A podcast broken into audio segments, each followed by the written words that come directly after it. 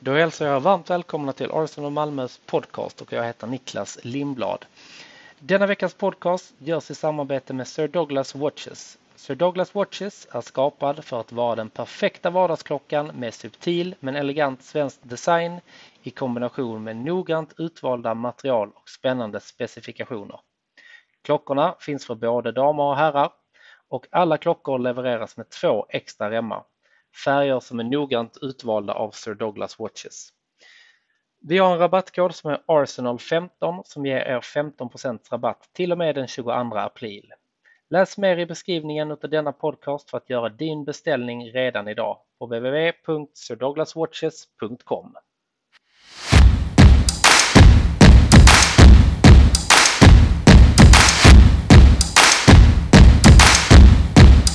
for the Malmo uh, Arsenal Supporters Club.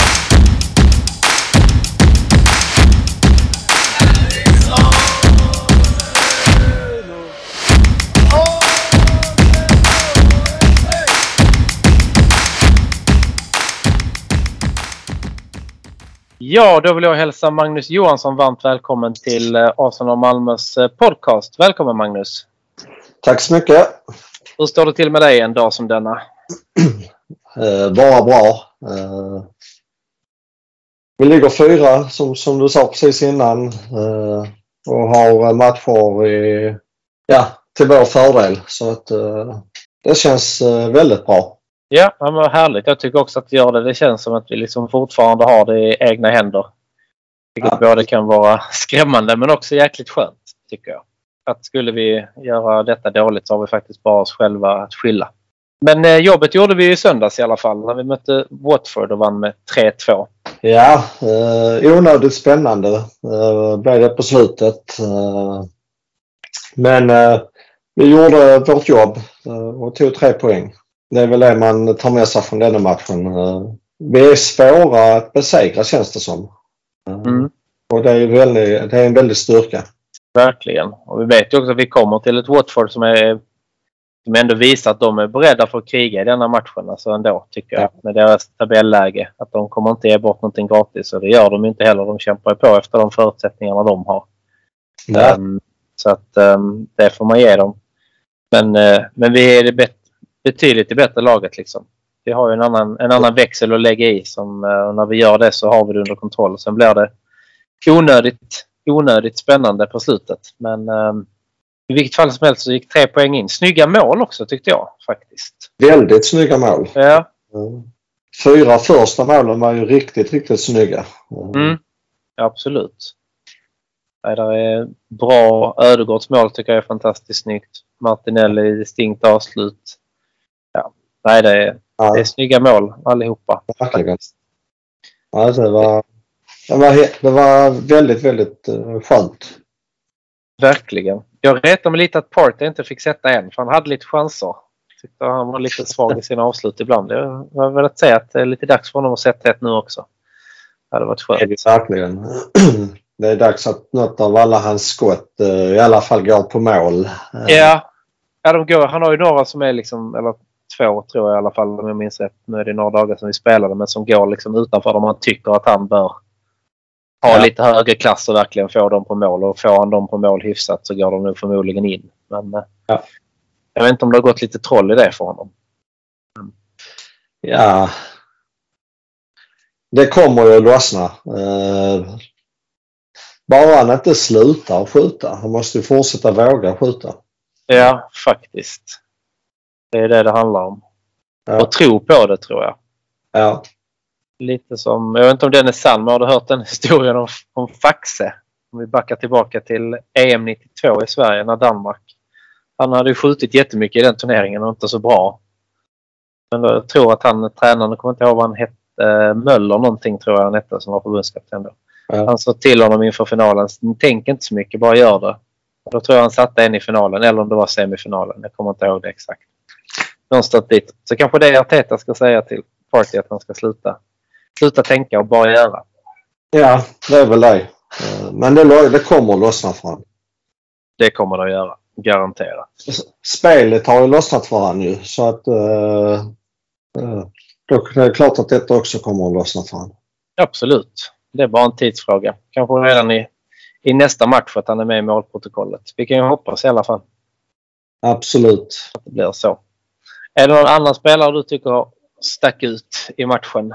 Ja, så Ödegaard eh, sticker ut tycker jag lite i varje match just nu. Eh, han är riktigt, riktigt bra. Eh, springer kopiöst mycket. Eh, är fantastisk med boll. Eh, behöver ett par kilo till på sig. Eh, men ja, det är ett fantastiskt nyförvärv. Sen är ju eh, vår Saka är ju, ja, han är ju sanslöst bra. Eh, det, alltså, jag tycker hela laget skötte sig bra. Eh, de enda som jag kan känna lite, kan få lite kritik denna matchen eh, det är faktiskt Ramsdale, White och Gabriel som gjorde det onödigt svårt för sig. Ja, de tappar lite hela backlinjen tycker jag i kommunikation just nu. Jag tycker deras mål, ett, eller deras första mål, det är ju ett snyggt mål framförallt. Men jag tycker att han ska inte riktigt få chansen där på den korta tiden att komma upp. Absolut. Eh, men som sagt, jag, jag tyckte framförallt eh, våra två innerbackar och vår, eh, vår målvakt denna matchen inte hade sina bästa dagar. Uh, Ramsdale som har varit sanslös med fötterna hade ett par idiotgrejer. Leno-vibbar. Ja, uh, han får inte bli nonchalant när vi möter uh, lite sämre lag utan uh, det måste liksom vara fokus även, även dessa matcherna. Ja. Nej, men det går inte att tappa fokus i Premier League. Så är det Ja. bara. Alltså inte vi i alla fall. Är, eller ingen har råd till det. Så att det är, nej, det krävs 100% fokus hela tiden. Ja. Med det sagt så eh, gör de inte någon jättedålig match. Det är inte det som uh, uh, jag säger men de har liksom varit stabiliteten. Uh, ja, Men tryggheten för att vårt offensiva spel ska kunna blomma ut, så är det ju. Man vågar ju inte alltså, gå fram. Jag hade inte vågat gå fram lika mycket om någon ytterback eller den del skulle alltså även mittbackarna ha en dålig dag. För då känner man sig lite, blir jag av med bollen nu så kan det ringa ganska snabbt på en omställning till exempel. så är det. Så är det. Så att, um, Sen nej, så, eh, Ben Whites agerande till 3-2 målet. Det är ju... Uh, där får man gå tillbaka till fotbollsskolan. Eh, mm, tillbaka till grunderna. ja, För att det ska, Eh, som sagt, de har ju också rätt att göra någon dålig match. Eh, Ja. Och, och det är väl perfekt att göra det mot Watford då, där vi ändå har kontroll på något sätt. så är det ju. Ja, men vad härligt. Ja, nej, men det är ju som sagt varenda trepoängare nu. Alltså, man är, jag vet inte, var du nervös inför matchen? Jag är alltid nervös nu för jag vet att de här trepoängarna känns... Desto fler som kommer in nu liksom. Vi är bara, kommer bara närmare och närmare det där målet om en topp 4-placering. Och alla lag nu, liksom, vad man än möter, har ju lite... Alltså Watford har ju ändå kämpat för. Och de Ja. kunde ju ändå liksom gneta sig till poäng mot United som tycker att vi är mer kreativa än vad United är framåt och vi ska kunna luckra upp Watford. Men, ja, men det är lite, jag är lite småorolig varje match nu för jag tycker nu är det länge sedan eller det är någon sån här gammal grej som hänger kvar att vi, vi kommer att misslyckas på något sätt. Men jag, desto mer för varje match som går nu så blir man ändå också mer säkrare och tror, och börjar tro på det här mer och mer. Ja, men så är det ju. Eh, det som jag liksom känner det är att man, eh, som vi sa innan, att vi har det i egna händer. Eh, Vi är inte beroende av någon annan. Eh, Och det tycker jag är en eh, härlig känsla. De senaste åren har vi varit beroende av andra för att vi ska få ett bra resultat. Och Mm. I år känns det som att vi har en annan trygghet. Vi har en annan... Ja, hela truppen känns mer ja, på gång. Eh, Ja men en känsla av att det alltså som, eller truppen tror jag har en känsla av som är liksom, men vi kommer att klara detta. Jag tror inte den har funnits på samma sätt innan. nej, Med tanke på att vi Ja. har... ett, eh, ett, två år sedan hade vi inte vänt matchen mot eh, Wolves. Nej. Inte en chans. De hade sprungit iväg med den. Ja. Eh, känns det som. Så där är någonting rent psyk psykiskt och mentalt som har hänt med gruppen också. Att de tror både på sig som lag och sig själva som individer känns det som Ja. på ett annat sätt. Helt annat självförtroende. Nu går vi in i en uh, jätteviktig vecka. Uh, vi uh, ska möta två lag som egentligen inte har särskilt mycket att spela för. Uh, och Så sen är det. mitt, mitt i veckan-matchen. Som, Mm. Med världs, världens sämsta avsparkstid. 21 och 15. Ja, Ja, det är hårt. Men vi har ju Leicester som sagt. Som vi börjar med. De trodde jag ju mycket mer på inför denna säsongen. Ja, fast där är ju något missnöje i truppen känns det som. Uh, uh, de, uh, det är mycket gnäll. Deras tränare går ut och gnäller och spelare vill lämna. Ja.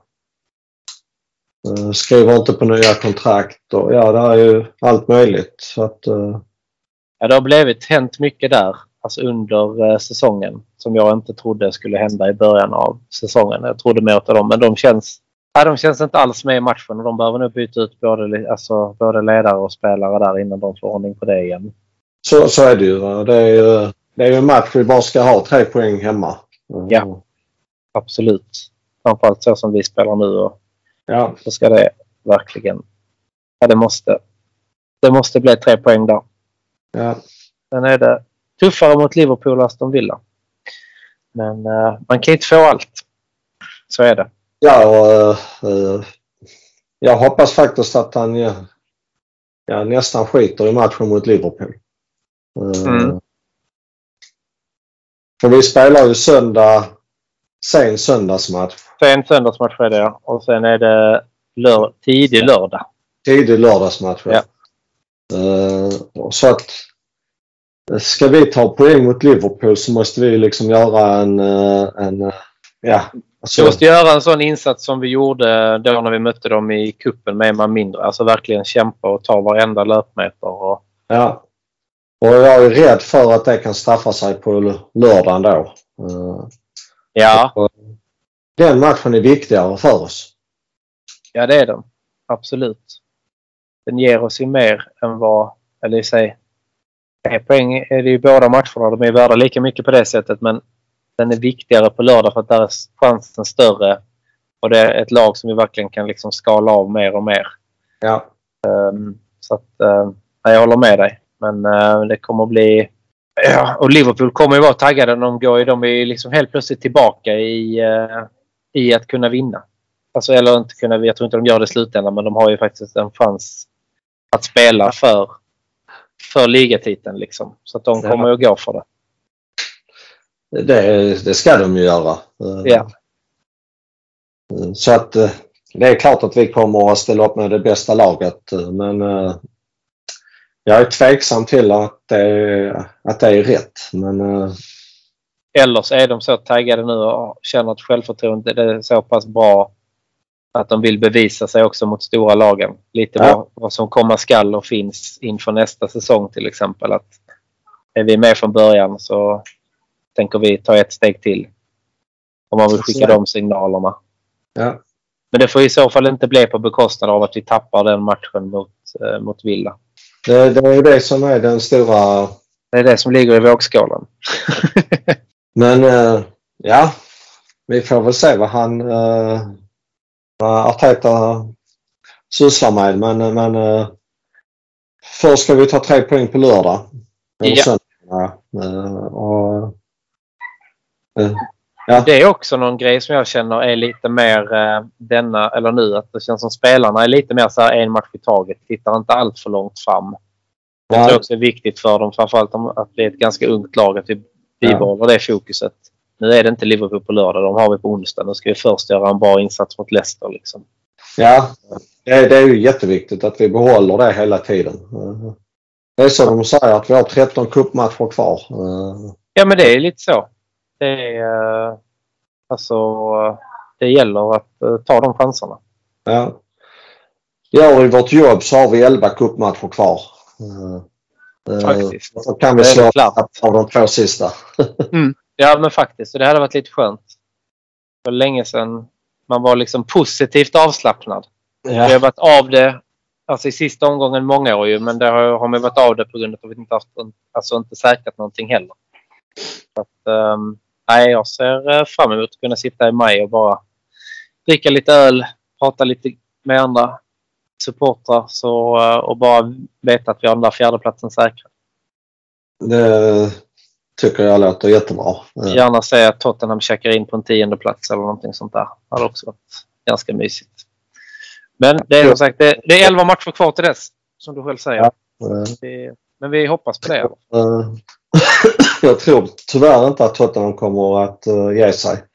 Nej, de har ju en tränare som inte gör det på något sätt. Så att uh, han ger sig nog inte förrän det är kört på riktigt skulle jag vilja säga. Men uh, nej. Men gör vi vårt jobb så är det ingen som, är det ingen som går om oss. Det är så vi ska tänka. Ja. Men som sagt, det är söndag. Får hoppas vi får tillbaka både Smith Rowe och uh, vad heter han? Vår högerback. Uh, Tomiyasu. Tomiyasu, ja. ja. Nej, det, nej, men det är viktiga spelare att, att få tillbaka. Jag trodde inte... Det var ju covid de sa på Smith Rowe. Jag trodde inte det skulle ta så hårt på honom. Han har inte ens varit med på bänken nu. Det senaste. Men jag hoppas också att han kommer tillbaka åtminstone som inhoppare till ja. denna matchen. Um, hoppas jag också. Så att, ja. Och Tomiasso har man gått och väntat på länge. Nu gör Cedric det helt okej okay, men jag vill nog inte ha honom på högerbacken när vi möter de lite bättre lagen kanske. Men sen samtidigt så vill jag att Tomiasso ska ha kommit igång lite igen efter sin skada tills dess. Så att det är en vågskål. Han har ju Arteta ja. som kan skrika på honom ena halvleken i alla fall om han ligger fel. ja. Men, äh, det måste vara det värsta att vara högerback. Det känns som de alltid är närmst tränaren eller närmst Arteta på Emirates faktiskt. Så gör man inte en bra match där då är det tufft. Alltså. Det måste vara ett helvete att vara högerback i Arsenal. Alltså. Om man inte gör det bra. Ja, herregud. Så är det. Det hade man ju gärna kanske stött ut med. jag hade gärna gjort det ändå. Tagit de utspelningarna, absolut. Men, äh, det gäller rätt psyke. Men det har ju du och jag så att vi hade ju klarat det galant. Så är det ju. Ja, verkligen. ja.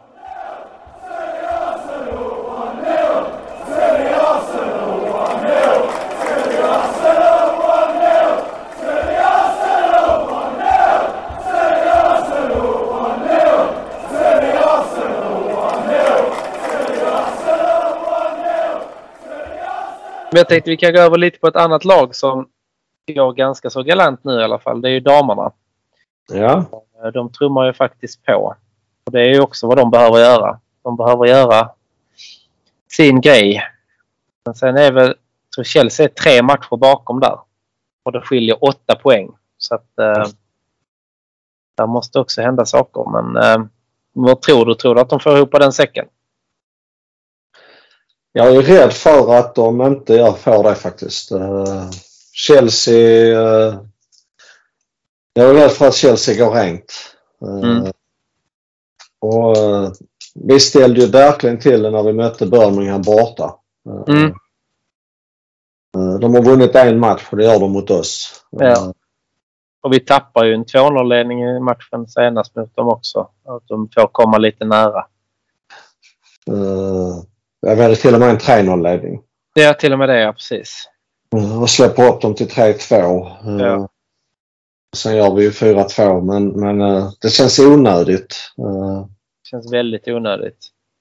Och, Birmingham måste... är ju de som ligger dösist. Alltså det är ju inget bra lag. Alltså ja. så är det ju bara. Det är inte att göra det mot någon som ändå ligger på över halvan utan de har fyra poäng på 16 matcher varav tre har de tagit mot oss. Det är ju katastrofdåligt. Ja. Och vi måste i alla fall se till så att vi går rent. Uh, och så får vi hoppas att det räcker. Men uh, som sagt, jag är, jag är tveksam till det. Ja. ja. Jag hoppas men det, är, det kommer vara på håret i så fall. Då måste, Chelsea måste ju tappa i någon match. Ja. Så är det ju bara. Det, ja, det ska bli intressant att, att se i alla fall. Ja, verkligen. Hur det går. Men vi måste gå rent i alla fall. Jag tror ju Chelsea har kvar att möta City. Så att det kan väl vara den matchen. Ja, det är där i så fall. Och det räcker med att de tappar poäng tror jag. Om vi ja. går rent så räcker det med att Chelsea tappar. Ja. Så att, um, ett kryss i den matchen är man inte helt oblyg. Både Chelsea och City två gånger. Ja. Det är väl Tottenham vi har kvar till topplagen. Sen vet jag inte om, de, om United, om vi har kvar dem eller om vi har mött dem. Osäker. Ja, det är jag också. Men, uh...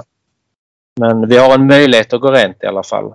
Så det är ju jag tror positivt. att har mött United två gånger. Jo, men det stämmer nog. Jag tror faktiskt att vi har gjort det. Så det är väl de, det laget som ligger högst upp som vi ska möta det är nog Tottenham som ligger typ där. Fyra, ja. femma. Att det blir intressant. Men eh, nej, vi får hålla koll på dem också. Det måste vi. Verkligen. Vi är kvar i FA-cupen där också så att där är titelchanserna kvar verkligen. Och har ni inte gjort det så kan jag faktiskt rekommendera om att Stina Blackstenius var gäst i Olof Lunds podd. Det var rätt roligt och intressant snack om hennes första tid i Arsenal om man vill lyssna på det efter denna podcast. kan jag varmt rekommendera.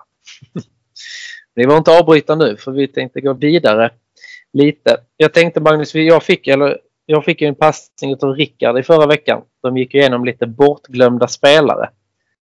Talade ja. bland annat om Davos Zucker och, och några andra. Uh, så jag tog med mig den till denna veckan och började tänka på några bortglömda spelare. Är det någon, och gav vi den till dig också. Är det någon spontant som du har tänkt på som är bortglömd Arsenal-spelare? Alltså, eh, en bortglömd Arsenal-spelare som eh, alla fick en chock när han blev värvad. Eh, det är ju Kim Källström.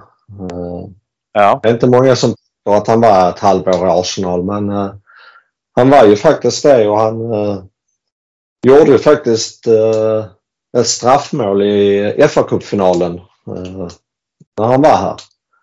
Straffläggning, ja han kom ju skadad till klubben också var mm. någon ryggskada. Jag vet, han sa själv i sitt sommarprat att Wenger hade sagt till honom att det är antingen dig eller ingen. Ja. Trots att han var lite småskadad. Men han... Eh, nej, det var ju många, det var många i England tror jag också som inte riktigt hade koll på honom heller. Men, eh, den chansen ja. hade man också bara tagit. Han var väl i Ryssland ja. då va? När han gick ja, kom till lån. Ja. ja. Så den chansen att komma till London Arsenal då, var han? var ändå runt 30, var väl lite på väg att flytta hem tror jag till Allsvenskan kanske.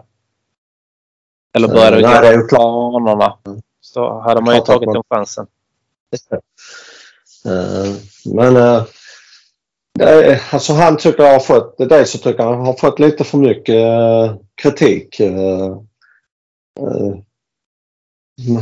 matcherna han spelade tyckte jag han gjorde helt okej. Okay. Eller matcherna han kom in i mm. gjorde han ju absolut inte bort sig. Och som sagt han gjorde ett straffmål i en FA-cupfinal.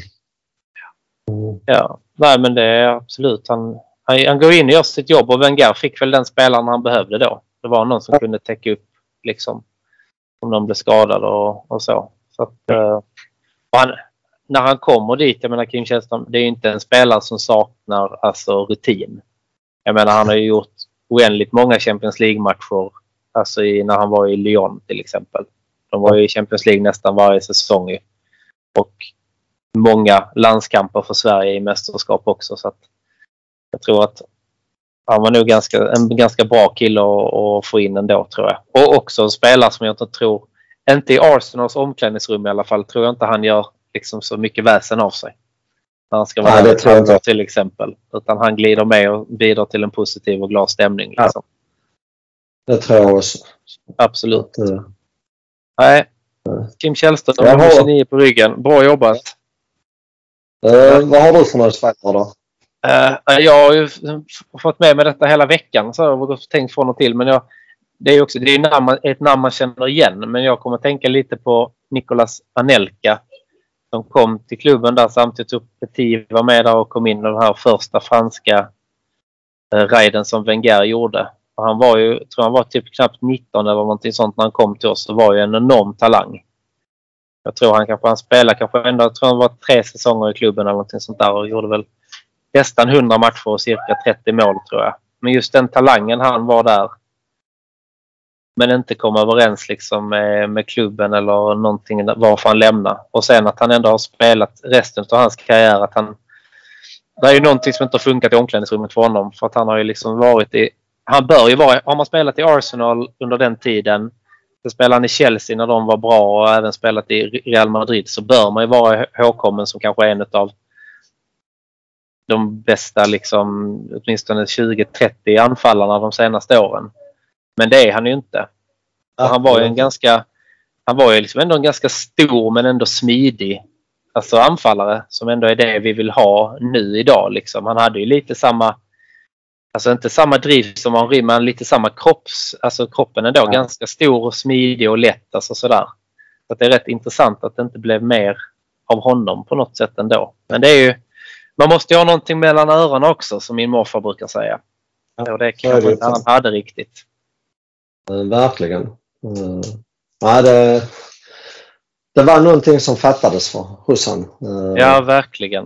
Uh, och lite synd för som sagt, det var ju en, en stor talang. Verkligen.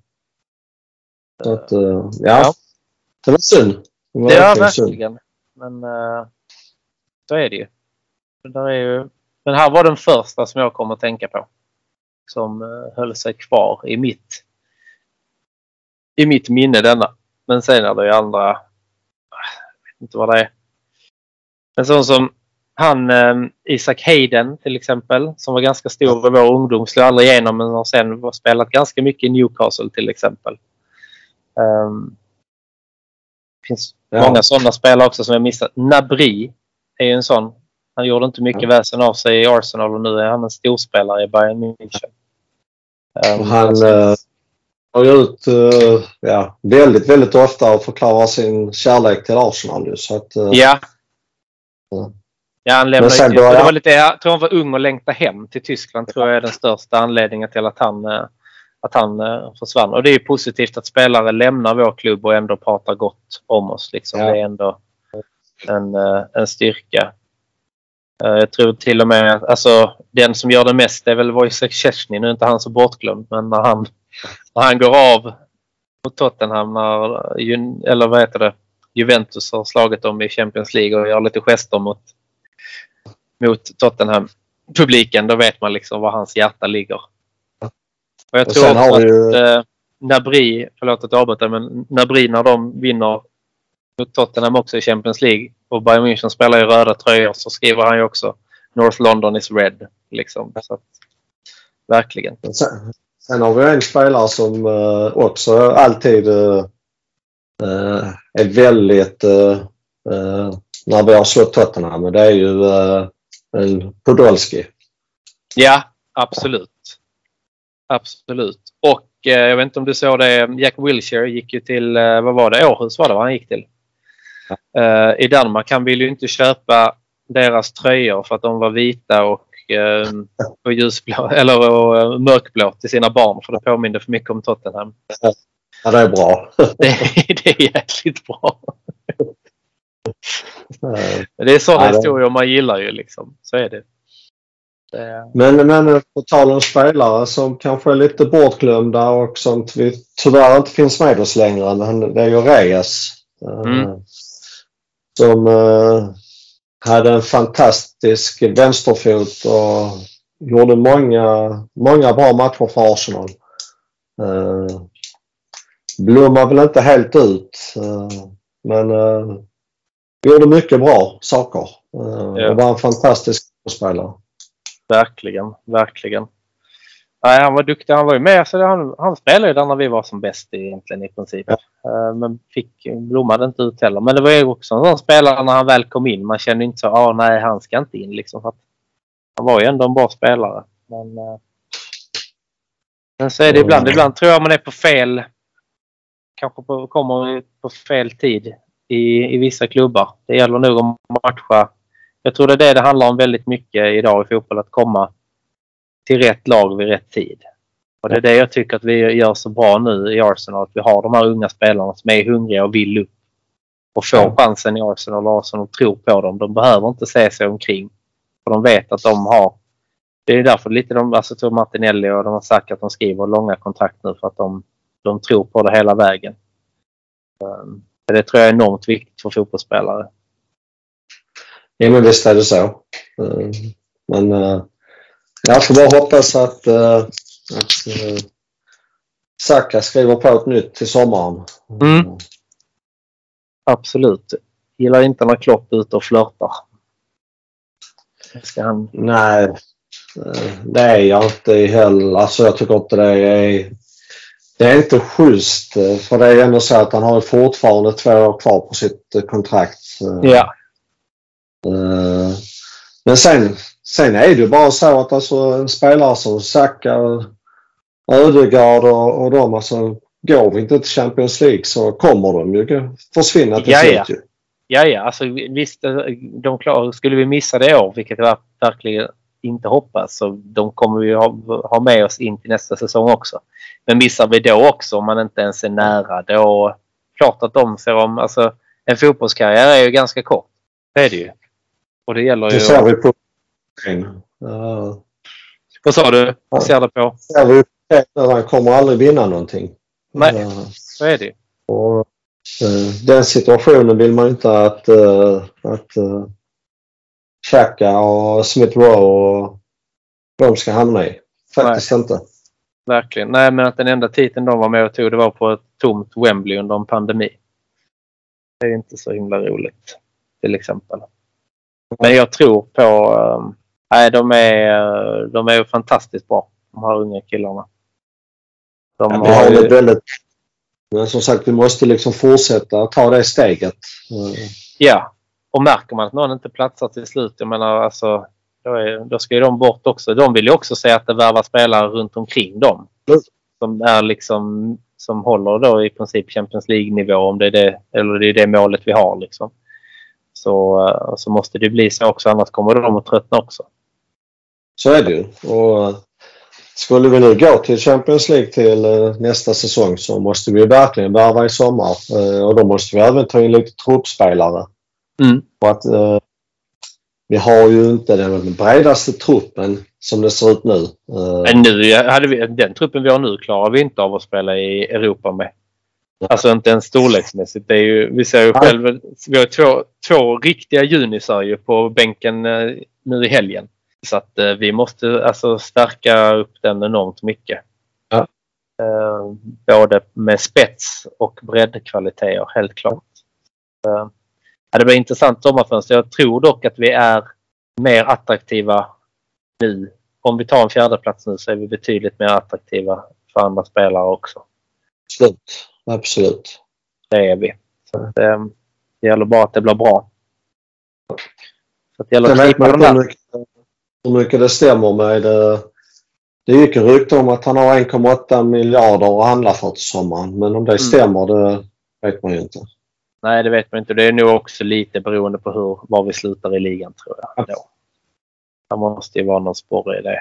Men, eh, men just nu så um, låter det ju bra. Men sen är det också, det är inte bara värva heller utan man måste få ihop det på planen sen också. Men eh, annars man kan inte säga någonting. Alltså, han gör rätt bra. Alltså, sommarfönstret vi har nu det är liksom Ramsdale trodde inte jag mycket på. Jag är bra, vi har en backup till Leno.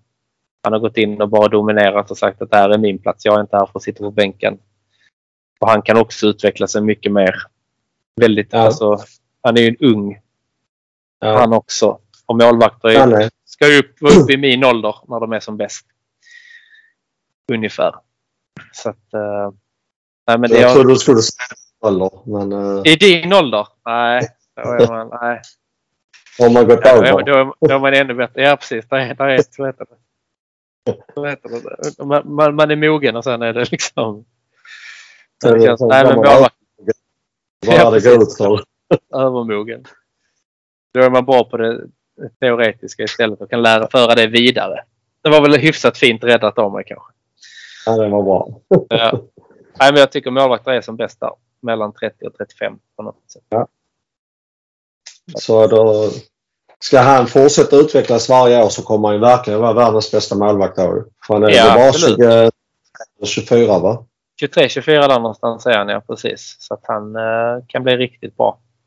Det måste ju vara Englands nästa liksom, ordinarie landslagsmålvakt om några år. Ganska så snabbt tycker jag.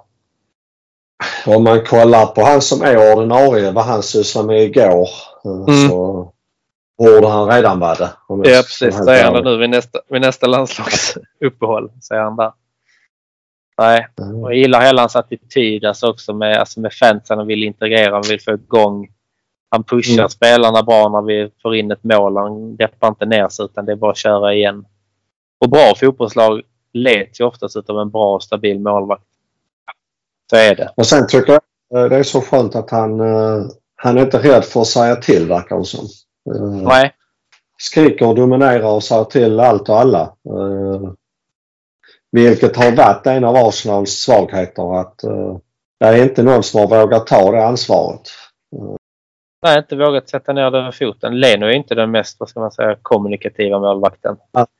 Till exempel. Så att, och sen gillar jag också att han är... För att kunna ha den pondusen så måste man ju vara stabil själv också. Och det har han ju verkligen varit. Så att, eh, det kommer nog mycket i det också. Och det handlar om att våga. Alltså en, en backlinje är det ju inte bara de fyra som är framför målvakten. Det är målvakten också. Som är med Ja. i det arbetet i jättestor utsträckning. Ja. Så att, eh, nej, det känns skönt att vi har fått en bra, en bra målvakt på plats. Som kan Ja. hålla. Sen Leno måste ju se om sitt hus. Han måste ju flytta hem till Tyskland känns det som. Han kan ju inte vara nöjd med den situationen där han sitter. Han, han lämnar ju till sommaren. Det har ju redan Ja, ja, klart med faktiskt. Så att, eh, Det är var, var han Mm. hamnar. det är liksom... eh, Men där ska man ha cred till honom. Han har inte gjort något utspel i medier eller någonting sånt där och tycker det är för jävligt eller någonting. Utan han har jobbat på i det tysta. Ja. Det tycker jag hedrar honom. För det är nog många andra, tyvärr i dagens fotboll, som hade valt att gå en annan väg. Absolut. sånt läge. Det ser väl bra ut inför eh, de sista 13 matcherna. Vi har väl få skador och... eh, ja. Ja, så länge vi har det så har vi ändå en helt okej trupp. Det är att hålla av, avstängningarna borta och, och skadorna till så få som möjligt. Och, eh, Och så- och bara fortsätta. Se till så vi spelar med, 10, med 11 man eh, varje match. Ja, det är också en fördel. Har vi lärt oss den hårda vägen känns det som denna säsongen i alla fall. Eller ja, det har varit många säsonger tycker jag vi har varit, tagit mycket onödiga röda. Men eh, vi måste ju leda den ligan i år känns det ju som. Där har vi I år igen. I, alla fall. I år igen, ja precis. Nej, det är katastrof. Men det pratade de också om. Eller att Arsenal har haft dålig disciplin. Det pratade de ju även under Wengers tid lite ju. Det var Ja. många, men då var de ju aggressiva för att de ville vinna. Det började väl med den United-matchen när vad heter han? Van Nistelrooy missade straff. Men det är ju en annan typ av aggression, tycker jag, som man får visa Verkligen. på en fotbollsplan. Vi har tagit väldigt många optiska utvisningar. eh, och vissa visst. eh, jag har haft ett antal diskussioner om det på ja, innan på Tobban och på Droanbar och så men eh, de flesta utvisningarna vi har åkt på har faktiskt varit rätt så solklara. Eh, Ja, de är solklara alltså när de väl kommer. Där är också, jag kan inte säga att nej, men det där är inte rött kort, men där är liksom vissa sådana som är rätt alltså, onödiga att ta. Partays andra gula kort där som han tar i någon match till exempel. De är uppe och Gabriel är uppe också tycker jag. Alltså de är solklara, det är inte det. Men jag tycker besluten från de individuella spelarna som tar dem är, är för dåliga. Men jag, det är inte många jag kan snacka bort. Det är väl Martinellis där jag kan tycka att domaren ska kunna blåsa i första situationen istället så att han vet om att han har ett gult kort. Men eh, övrigt så är båda sakerna han gör är ju gula kort till exempel. Så det är inte mycket att snacka om. Ja, jag tycker framförallt det med Martinelli nu för där har diskussionen blivit helt fel tycker jag. Eh, För där tittar man på domaren vad han gör för någonting. Mm. Det är ingen ifrågasätter varför Martinelli slänger upp handen i huvudet på spelaren vid ett inkast 15 Ja. meter ner på motståndarens planhalva. Nej, det är en helt idiotisk handling. Eh, Eh, Det är väl det diskussionen ska handla om tycker jag. Ja, absolut. Sen Mm. tycker jag att den handlar lite om att hur man, alltså som domare kan du påverka. Man vill ju inte som domare påverka. Alltså det, det jobbigaste för en domare tror jag är, är att ta de här avgörande besluten. Blåsa en straff, alltså matchavgörande. Blåsa en straff, andra gula kort och direkt röda.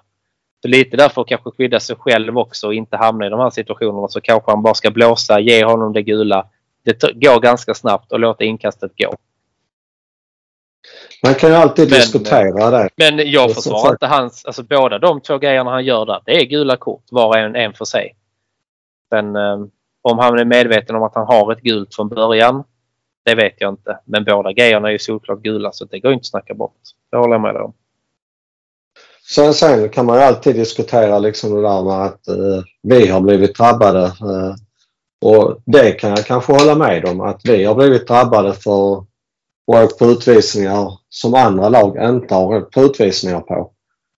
Men, Det är nog det som Likväl- skapar mycket irritation. eh, men då gör ju domaren fel i de lägena. De har ju inte gjort fel i Arsenals eh, matcher. Nej. Och det är där man liksom eh, måste skilja på sakerna eh, och börja snacka om eh, var någonstans felet är. Nej, domarna har hållit en enormt låg nivå. Alltså om man kollar på mer än Arsenals matcher. Vad de missar. När de ändå har VAR och allting sånt att gå tillbaka på. Alltså jag fattar det är människor de som springer upp på plan också. Du kan inte se allt. Jag har själv dömt fotboll. Det är omöjligt att se allting. Men där är liksom alltså åtta ögon inklusive fjärdedomaren som ändå står ganska nära och sen har du ett varrum där det sitter några till med hur många kameravinklar som helst och att vissa saker bara liksom rena kapningar och överfall att det inte ger någonting. Eh, vissa Eh. gånger och i andra fall ger det rött. Det är helt otroligt. För man kan inte skylla på att man inte såg någonting nu. För det är därför varummet finns. Att, men, eh, men det är också därför det har blivit den kritiken. Ja, för att nu, nu får du inte några fel. nej. Eh, innan accepterar man att ja, domare ser, ser inte allting. Men nu ska ju de säga allting och, Mm. och då blir det liksom diskussioner när eh, Kane inte åker ut. Eh, Maguire ska ju vara utvisad var och varannan match. Ja, ja. Eh, eh, och då blir det diskussioner och så framförallt när det i stort sett är engelsmän som klarar sig hela tiden. Mm. Ja, ja. Ja. De har ju bjudit in eh, liksom, de bjuder in till det lite själva liksom hela. Men det är det diskussionen ska handla om. Eh, Ja. Inte domsluten som Arsenal har fått, fått emot sig. Nej. Eh, Nej, de är, är, är korrekta. Men det är också intressant liksom att varför har de en korrekthetsnivå på 99,9 procent i våra matcher och en på 57 procent i de andra matcherna. Det är ju det som är det intressanta. Eh, Så är det ju. Ja, men eh, det problemet kommer inte vi att lösa tyvärr. Men, eh, men jag hoppas Nej. att de får ju sätta sig ner och utvärdera sig själva för de måste ju ha rätt mycket att prata om på de utvecklingssamtalen om man säger så. Ja, det var väl eh, Arteta skulle väl också ta ett snack med med dem, inte för det kommer att hjälpa någonting men bara man gör det för, i utbildningssyfte så att det inte Mm. liksom eh, blir något, någon pajkastning så kan det väl vara bra. Eh, Ja, det för ju fotbollen framåt. Det ska ju vara, alltså, alla ska bli bedömda på samma sätt ju. Det spelar ingen roll vad det står på varken framsidan eller baksidan av tröjan. Eh, Men där är vissa sådana saker som jag tycker uh, hockeyn har kommit längre än vad fotbollen har. Eh, Mm. Med att de intervjuar domaren efter matchen. Eh, Mm. Och lite sånt. Och det förstår inte jag varför man inte kan göra i fotbollen. Eh, Nej, och det är väl de bara... måste våga stå för sina beslut. Eh, Ja, och tar man det till svensk fotboll är det väl bara Jonas Eriksson som har gjort det nästan och någon annan domare liksom som ändå går ut och, och förklarar hur de tänkte. Och vissa regler är ju också luddigt redan i regelboken för det är ju hur, alltså handsregeln nu det är ju katastrof. Alltså bara, ja men det är där och där och det, alltså det är så mycket och så bedöma det på så kort tid det är ju skitsvårt. Han, hans regler och offside-regeln är uh, omöjlig, omöjlig att förstå. Ja. Eh, Du måste göra dem lättare alltså på något sätt också för att det ska bli lättare för domarna också. Faktiskt. ja, men framförallt också det lättare för publiken. Eh, Ja, och spelarna också. Alltså så. Så att, eh, Nej, ja. där finns mycket att göra på olika nivåer. Men ja, vi får se. Men så länge vi vinner 11 matcher till har du sagt så är det lugnt. det är ju det ju. Yes. Ja, precis. Det är det vi, vi vill. Eh, Det är ju faktiskt så att eh, skulle vi slå eh, Tottenham borta så räcker det med 10 matcher. Ja. Faktiskt. Så Ja, den är- Den kommer vara, den kommer vara riktigt het den matchen. Faktiskt. Och sen att Nu ska vi inte spela iväg utan vi ska, ta, vi ska också ta match eh, för match. Ja, jo det ska vi göra. Men eh, ibland lyfter man ju blicken. Man inte lyfta den för mycket. Det, är det är det. som i golfen. Titta ner på bollen. Titta inte upp. Bli inte nyfiken på längre fram utan ta ett slag i taget. Är det det som gör att jag är där jag är när det gäller golfen?